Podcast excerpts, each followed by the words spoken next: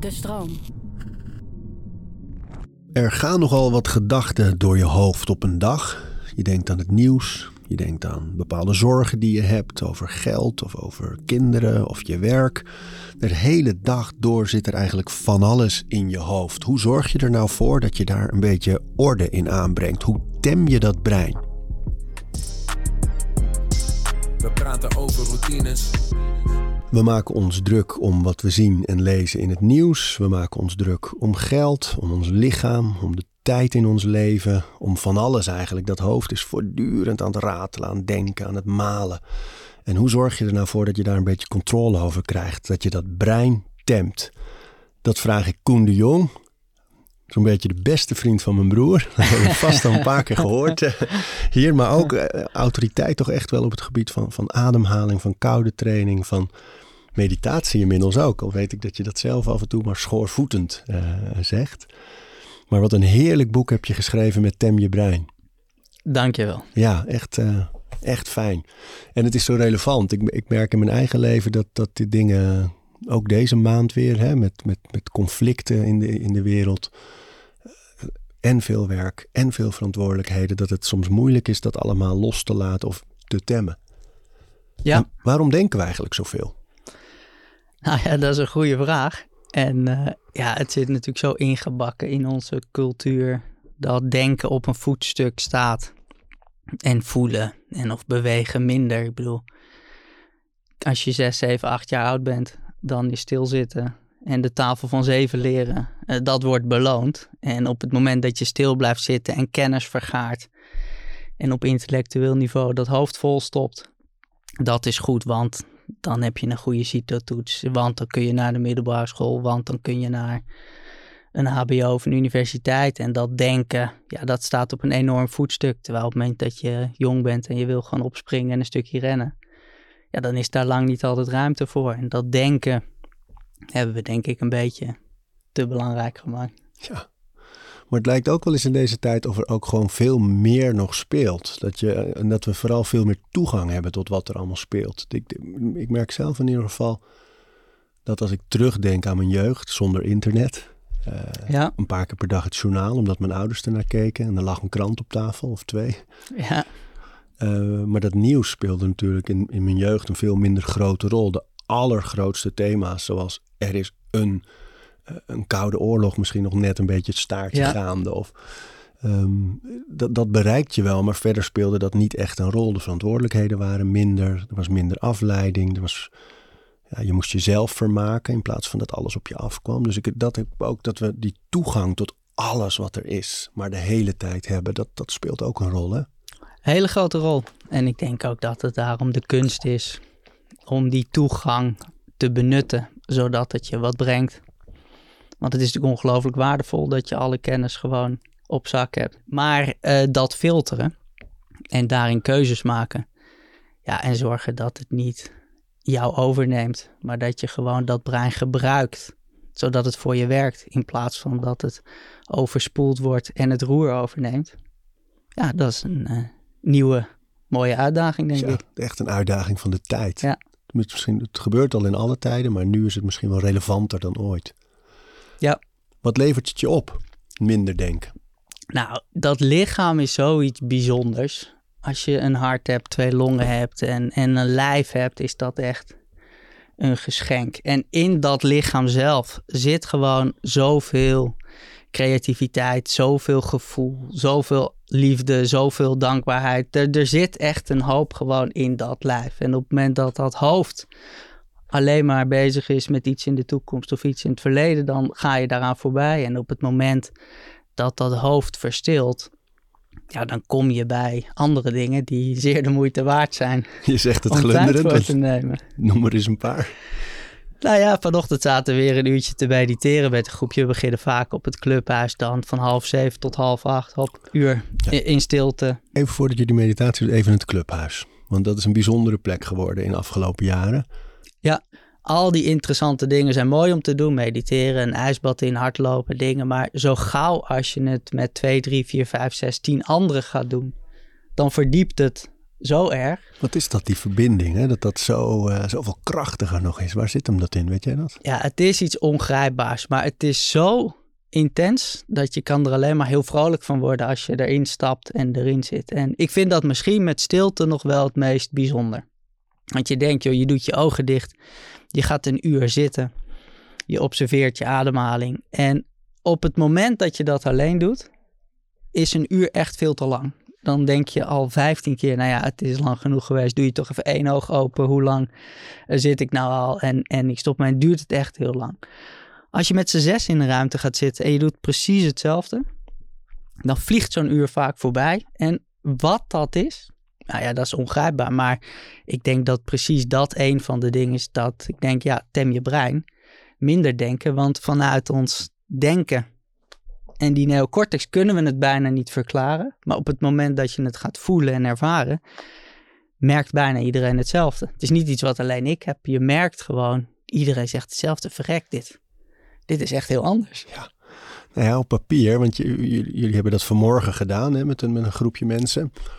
Een uur lang mediteren is voor heel veel mensen heel lang. Uh, en vooral vooraf, als je het nooit geprobeerd hebt, nooit gedaan hebt. Um, kun je eens meenemen naar hoe die meditatie wordt ingevuld? Nou, um, we kunnen de oefening wel even doen. Mm. Want het is de oefening die in je brein staat. En de oefening uh, zelf, nou ja, die kan één minuut, twee minuten, drie minuten duren. Dus ik stel voor dat we hem hier in de podcast wat inkorten en geen uur doen. Maar als we hem een, een minuut of twee doen, ja. dan denk ik ook dat we meteen bij de kern zijn van wat dit is en wat het nut is. Want de oefening die we gaan doen is zo ongelooflijk krachtig en zo ongelooflijk leerzaam. Maar tegelijkertijd de allersaaiste en domste oefening die er bestaat. Kun je me iets meer, want um, in het boek staat die ook. Je, je, um, daar zit die, je hebt op een gegeven moment die manier van dat brein temmen gaat via die techniek. Je hebt een 100 dagen plan gemaakt waarin mensen in 100 dagen in fases kunnen leren dat brein een beetje te temmen, die, die stilte wat meer ook te vinden. Um, daar straks over meer, maar, maar die, die techniek die komt steeds terug. Kan je beginnen met inleiden van waar, waar jij hem zelf hebt opgedaan? ja, ik, ik begin meteen te lachen, want in, het was in 2005 heb ik zelf de oefening geleerd van uh, eh, SN Gwenka, een Burmees die deze meditatietechniek nu de wereld inslingert op, op Centra. En in 2005 zat ik zelf niet echt heel lekker in mijn vel. Ik dronk heel veel, ik gokte heel veel, ik at ongezond en dacht een beetje, ja, is dit het nou?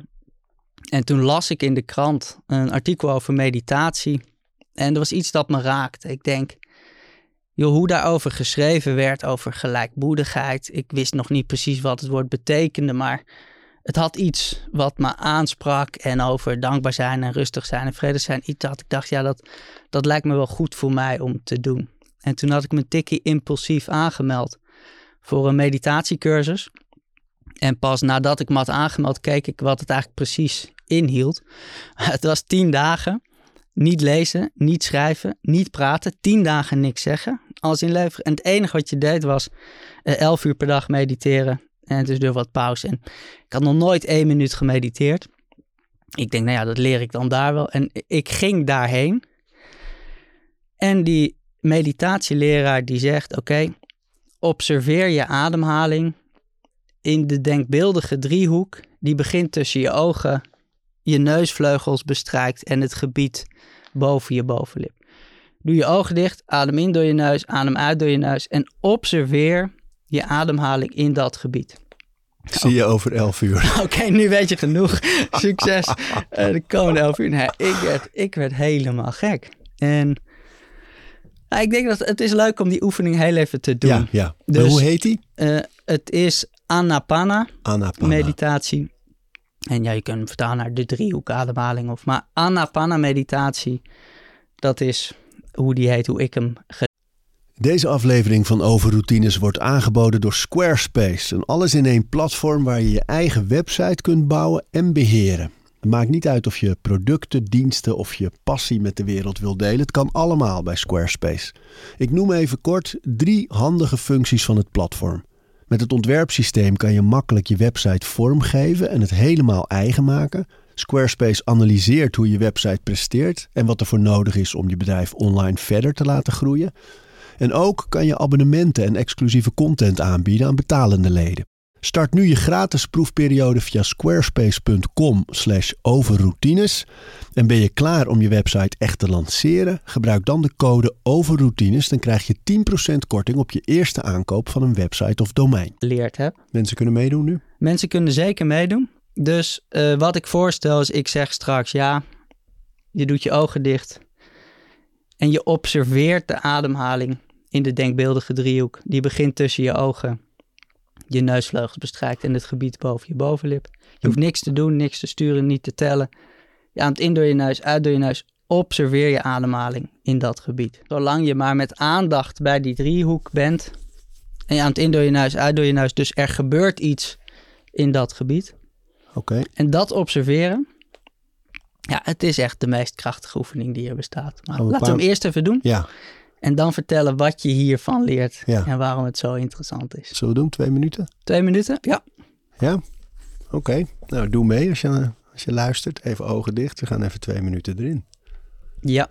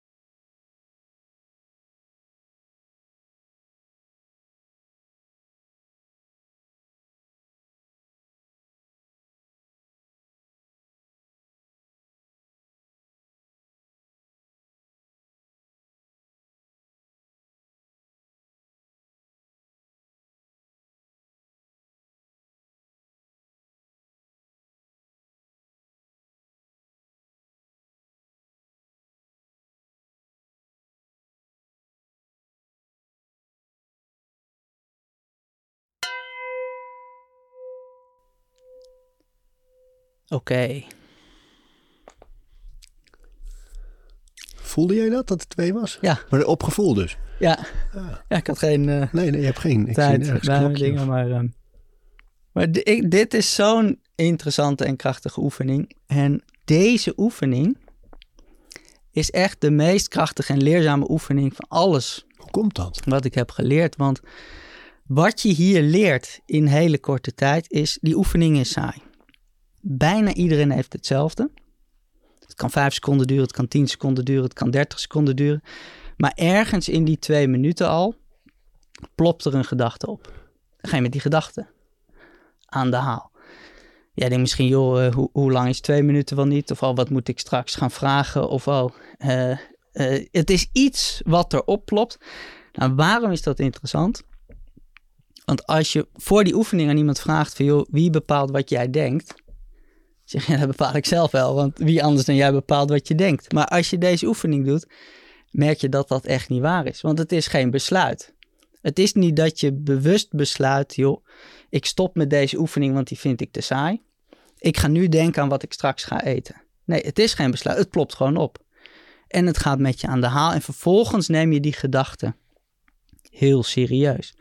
Nou, en dat wat je denkt, bepaalt voor een heel groot deel hoe jij je die dag voelt en wat je die dag doet. Als jij de hele dag door dingen denkt als, wat heb ik een leuke baan? Wat ben ik blij dat mijn haar altijd goed zit op een belangrijke dag? Dan heb je een lekkere dag. Als je de hele dag door dingen denkt als, waarom begrijpen mijn collega's me nooit?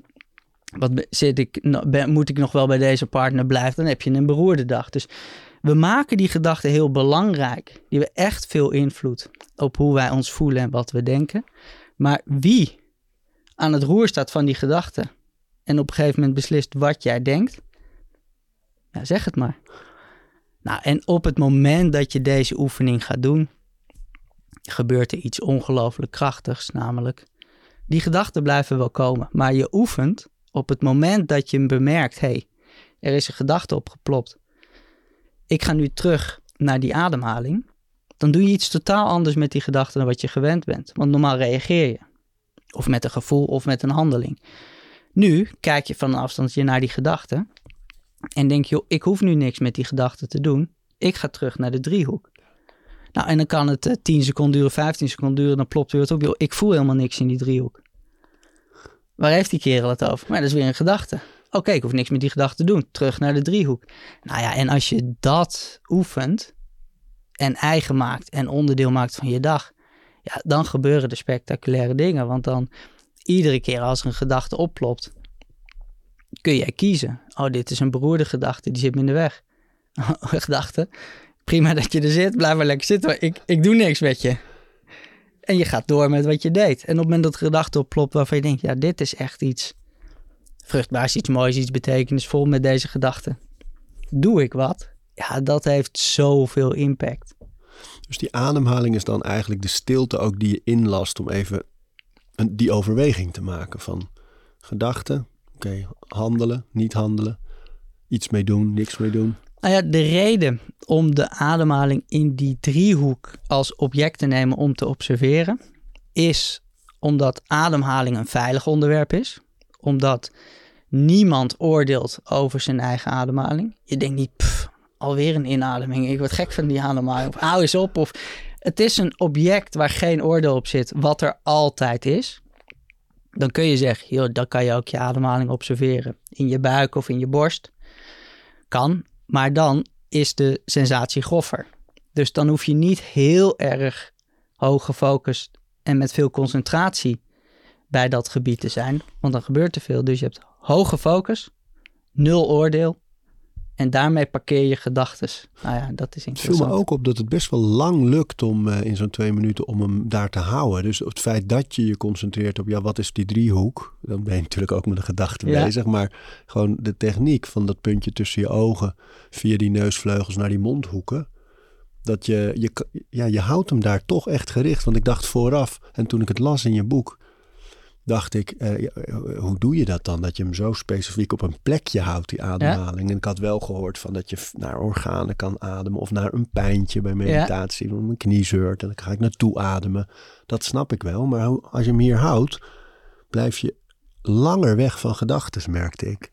Mooi. Dus het is ook goed, het is een lekkere basis om naartoe terug te gaan, juist ook omdat het zo'n klein stuk is. Maar eh, ja, ik vond, het, ik vond het wel een bijzondere. Mooi. Ja, zo simpel. Maar dat dan dus een uur. Zo joh. Ja, dat lijkt me toch wel eh, moeilijk, eerlijk gezegd. Nou ja, in het begin is het afzien. En na een tijdje is het echt verrukkelijk en iets om naar uit te kijken. Je merkt nog het meest wat het doet gedurende de dag. En wat merk je dan in de dag? Nou, wat ik het meeste merk is mijn tijdsbeleving. Dus op het moment dat ik 's ochtends niet mediteer en ik heb een afspraak, dan heb ik de hele dag door een gejaagd gevoel in mijn lijf dat ik in de ene afspraak ook al bezig ben met de volgende afspraak, de hele dag door een gevoel van gejaagdheid en geleefd worden. Op het moment dat ik precies dezelfde dag heb, maar ik begin de dag met die meditatie, heb ik de hele dag een gevoel van rust. Want ik plan natuurlijk die afspraken zo dat het uitkomt. Bedoel, ik plan ze niet te krap dat het de hele dag door gehaast is en jaag is. Nee, dat is een gevoel in mij. En op het moment dat ik begin, vanuit die rust, vanuit die ontspanning, vanuit die beschouwing, ja, dan houdt dat brein meer zijn waffel. En daarmee verschuif je tijdsbeleving naar eindeloos veel momenten van nu en hier. Nou ja, en dan heb je aan het eind van de dag het gevoel dat je twee dagen in een dag beleefd hebt. Zoals je die monniken vaak hoort zeggen, het is niet de wereld die zo snel gaat. Het zijn je gedachten, het Ja. is je hoofd. Maar dat is echt waar. En ehm, je doet het dus elke dag, eh, maar niet altijd een uur, toch? Nee, dus vier keer in de week een uur Zo. op En de het, andere eh, dagen? clubhuis. 20 minuten. Oh ja, ja, ja. En dat vind ik bijvoorbeeld mooi om terug te komen naar die tijdsbeleving en dat tem je brein. Als je mij tien jaar geleden had gezegd, joh, je hebt een leuke zoon op te voeden, je gaat vier bedrijven eh, runnen en je houdt tijd over om een boek te schrijven.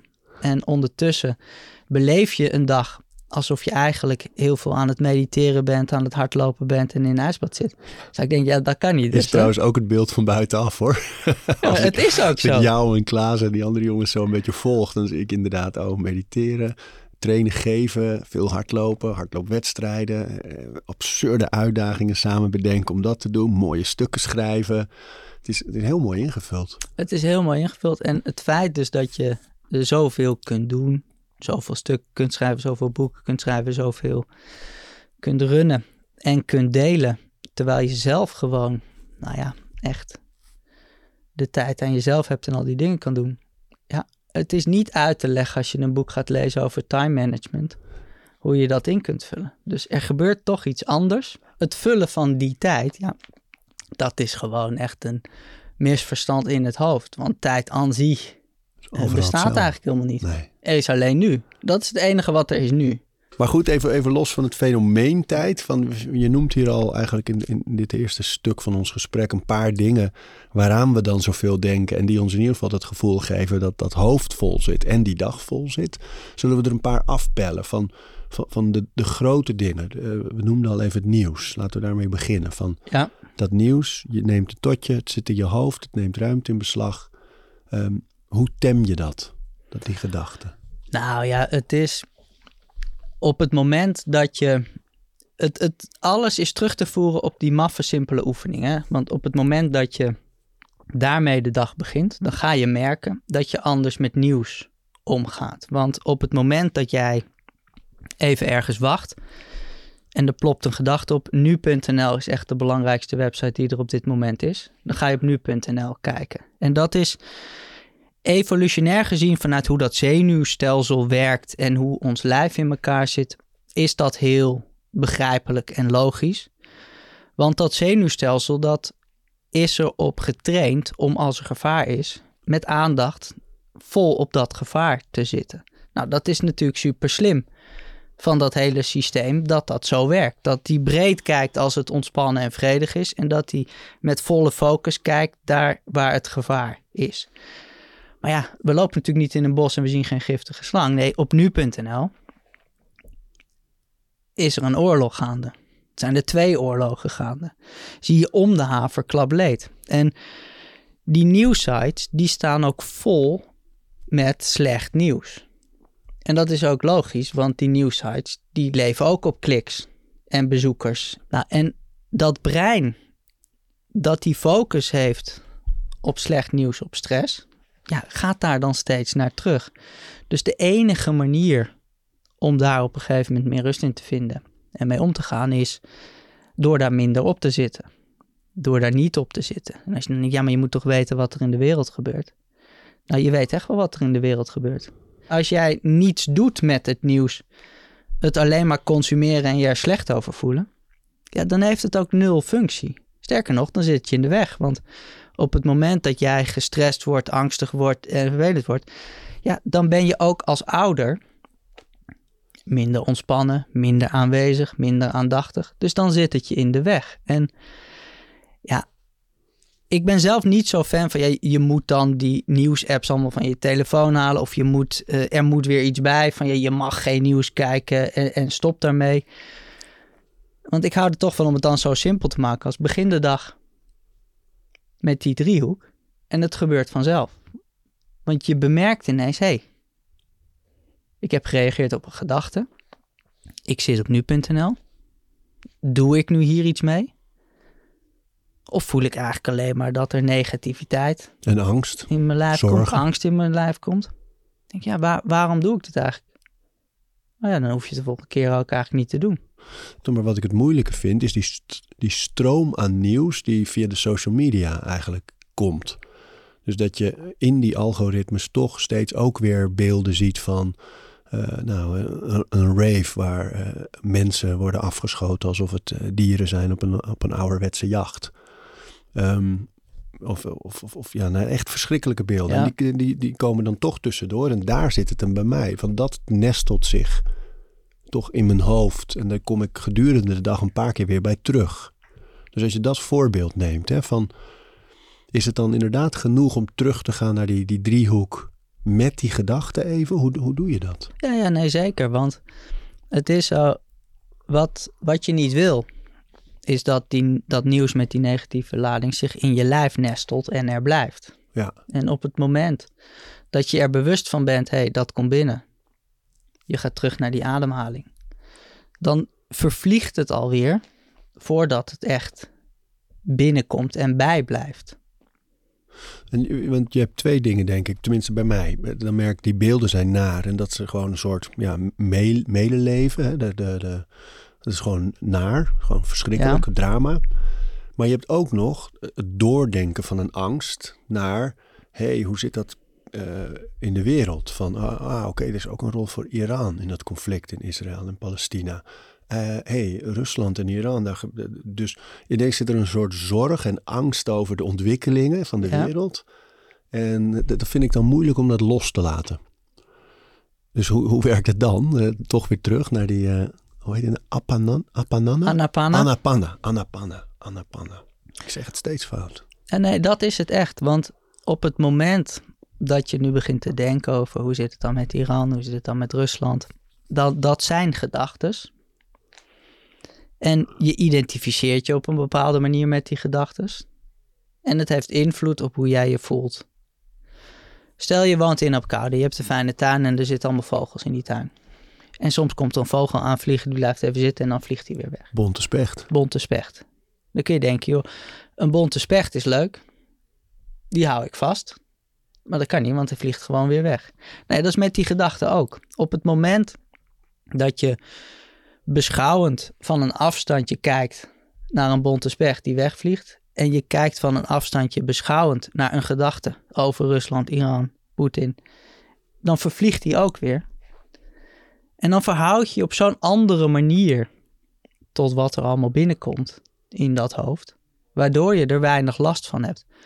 En dat is het tegenovergestelde van onverschilligheid. Dat je denkt, ja, ik verstop me voor alles wat er gebeurt en het interesseert me niet. Er is ook een beweging, hè, internationaal, die zich helemaal afsluiten van alles. Ja, maar dat is uh, eeuwig zonde en ook onnodig. Want op het moment dat jij mensen ziet die iets vreselijk overkomt en jij voelt je geraakt en je hebt medeleven, al is dat op afstand of dingen, dan is dat echt wel functioneel en goed. Misschien, nou ja, om, om wat beter je best te doen of om dankbaar te zijn voor je eigen uh, gezonde, fijne plekje of dingen. En je hoeft je daar niet voor af te sluiten, in tegendeel. Alleen het moet zich niet in je lijf nestelen en de boel overnemen, zodat jij geen keuze meer hebt. Dat is het, hè, die keuze, ja. ja. En daar komt het steeds op terug, dat je de keuze hebt om te zeggen, oké, hier doe ik iets mee. En iets mee doen klinkt heel erg alsof er een handeling bij hoort, maar er iets mee doen is in deze eigenlijk ook dat het zich, dat het emotioneel echt binnenkomt en de boel opschudt. Dat is het nieuws van die andere grote thema's hè, waar, we, waar we allemaal mee bezig zijn. Je hebt heel mooi, het zijn eigenlijk ook de hoofdstukken in het boek. Waaraan denk je het meest, heet dat hoofdstuk? Of heet eigenlijk dat deel van het boek? Dus uh, geld is ook zo eentje voor, die voor heel veel mensen denken aan geld. En geld zorgen vooral. Van, ja. Hoe gaan we het allemaal rondbreien? Lukt het weer deze maand? Uh, enzovoort, enzovoort. Hoe, hoe werkt het daar? Nou ja, het is, ik vind het zelf iets, iets fascinerends. Maar ergens onderweg uh, is het een doel aan zich geworden. Dat geld, nou ja, dat neemt echt veel over. Het is gewoon in dat hoofd is geld iets heel groots en belangrijks geworden. En dan is er een bankapp. En dan ga je dus inloggen in je bankapp om te kijken hoeveel er op die rekening staat en hoeveel is veranderd. Nou ja, echt verloren tijd, verloren denkkracht, verloren momenten van het nu. Want je bent weer op een andere plek. En nou ja, zo is het ook met geld zorgen en met geld stromen. Op het moment dat je gewoon de huur niet kan betalen, is dat een hele goede constatering. Dat je denkt: oké, er gaat iedere maand meer geld uit dan in. Dat bezorgt mij stress en onrust. Als je dat beschouwend bekijkt, is dat waardevol. Want dan moet, moet je twee dingen doen. Of zorgen dat er minder geld uitgaat, of zorgen dat er meer geld inkomt, zodat je gemoedsrust er niet onder leidt. Maar op het moment dat die gedachte zelf gewoon op repeat wordt gedrukt en in je hoofd komt en je gaat daar steeds even naar handelen zonder dat je iets doet wat dan daar invloed op heeft, ja, dat is het gekke van dat denken en stress en problemen en doemdenken. Dat het blijft zich maar herhalen, herhalen, herhalen. Je gaat er steeds naar terug. Maar je dat doet wat er, niks mee. Ja, je doet er niks mee. En dat is iets, ja, op het moment dat je van een afstandje naar die gedachte kijkt. En je merkt op dat je voor de derde keer in je bank hebt gaat. Terwijl je denkt, ja, eigenlijk, wat heb ik hier eigenlijk te zoeken? Dit heeft helemaal geen zin. Oké, ben ik hier met een reden? Is geld een bron van zorg? Is geld een bron van ergernis? En je denkt, nou nee, eigenlijk helemaal niet. Oké, nou ja, laat dan maar. Dan reken maar dat dat gevoelsmatig weer tijd oplevert. Gevoel van tijd oplevert. En geld zorgen is een probleem. Weinig geld hebben of nou ja, de hele tijd geld najagen. Nou ja, een probleem is niet het goede woord. Het is iets wat ons bezighoudt en wat het onderzoeken waard is. Maar wat je ook veel ziet, is dat mensen dan uh, andere mensen geld misgunnen. Het is interessant om gewoon te kijken van hoe verhoud je je ja. tot geld. En als het een bron is van zorg of ergernis, interessant om daar wat mee te kunnen doen vanuit de beschouwing op het moment dat je echt je hele leven inricht om geld na te jagen. Het is interessant om dat te observeren en te onderzoeken. Veel wat haal je daar dan uit? En als je een negatieve lading met geld, want ja, het is gewoon een groot ding in de wereld. En het is wel lekker. Als het zich niet in jouw lijf nestelt. Maar het is, ook, het is ook zo'n mooi voorbeeld van dat de dingen zijn niet aan zich goed of slecht. Die hebben geen moraliteit of Alleen hoe we er naar kijken, dat bepaalt eigenlijk hoe we ze ervaren. Dus als, inderdaad, als je dan zo negatief naar geld kijkt, dan is dat het voor jou. Maar dat, dat bedenk je natuurlijk allemaal zelf, ja. Terug naar je boek van nu, Tem je brein. Want ik, ik wil zo graag, er staat een, een, uh, een 100 dagen programma in uiteindelijk. Dus je gaat allemaal hoofdstukken af. Allereerst van waar denken we het meest aan? Nou, denken aan geld, denken en nieuws, denken en sport en eten, verslaving, trauma, creativiteit, lichaam, stilte tijd, dualiteit. En dan uiteindelijk, in het laatste deel van het boek, eh, kom je bij de honderd dagen. Eh, echt in fases eigenlijk neem je de lezer mee. Zo kun je die, die vorm van meditatie in je leven implementeren en omgaan met die grote thema's. En als je nu dan de luisteraar, uh, we willen natuurlijk niet het boek uh, nu al meteen helemaal prijsgeven, want dan, dan moet je gewoon zelf gaan lezen maar de luisteraar toch meegeven van stel dat je deze meditatie in je leven wil brengen. Wat, wat zijn dan de stappen die je zelf kunt zetten om daaraan te beginnen? Nou, dus het is, kijk, de oefening hebben we net al gedaan. Ingewikkelder dan dat wordt het niet. Dus als je weinig tijd hebt en je hebt nog een stapel ongelezen boeken naast je bed liggen, je hoeft het boek niet te lezen, want daar komt het steeds terug. De reden om toch dat hele boek erover te schrijven is omdat het brein vaak niet meteen heel enthousiast is als het iets saais moet doen. Dus het brein wil even wat bedding hebben en wat uitleg hebben en ook geprikkeld worden. Maar om ermee te beginnen is echt voordat de rest van het huis wakker wordt, 10 minuten of 20 minuten zitten, aandacht naar de driehoek. En in het begin denk je, joh, dit is saai, dit werkt niet. Dit doet niks. Maar reken maar als je ermee begint over vijf jaar is alles heel erg anders en heb je er echt een hoop lol aan gehad. Mooi hè? En maakt het nog uit of je neus of mond ademt daarbij? Nou, neusademhaling is, is, is rustiger. En beter. Op het moment dat je fysiek niets doet, hoef je eigenlijk nooit door je mond te ademen. Dus. En hoe je zit, in welke houding en zo, maakt dat nog uit? Nou, dat vind ik zelf een, een, een interessant om gewoon aan dat lijf over te houden, laten. Want uh, op het moment dat je denkt van oké, ik ga onderuit gezakt op de bank zitten. En je gaat echt met aandacht naar die driehoek. Ja, dan kom je ook bij je gevoel en bij dat lijf. Nou, reken maar dat je vanzelf wat meer rechtop gaat zitten. En ik ben zelf fan van minder instructies dan meer. Dus ga dit doen. En dan krijg je het van je lijf wel terug. Het is wel zo dat als je op een gegeven moment zegt van joh, ik, ik wil dit echt gaan doen ik heb deze podcast gehoord of het boek gelezen of iets anders. En ik denk, ik ga dit echt eigen maken. Dan helpt het wel om een meditatiekussen of een meditatieplankje en een hoekje te maken om het te doen. En dat is heel uh, functioneel.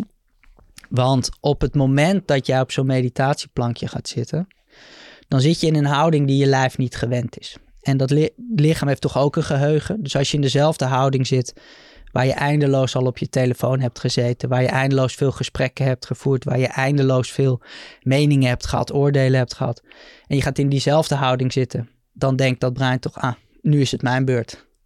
Ik, mag. Terwijl op het moment dat je op een meditatiekussen gaat zitten of een plankje, dan zit je in een houding die je nog niet gewend bent. Een soort Pavlov. Ja, en dan denkt dat licht of dat brein ook, hé, hey, hey, we gaan iets nieuws doen.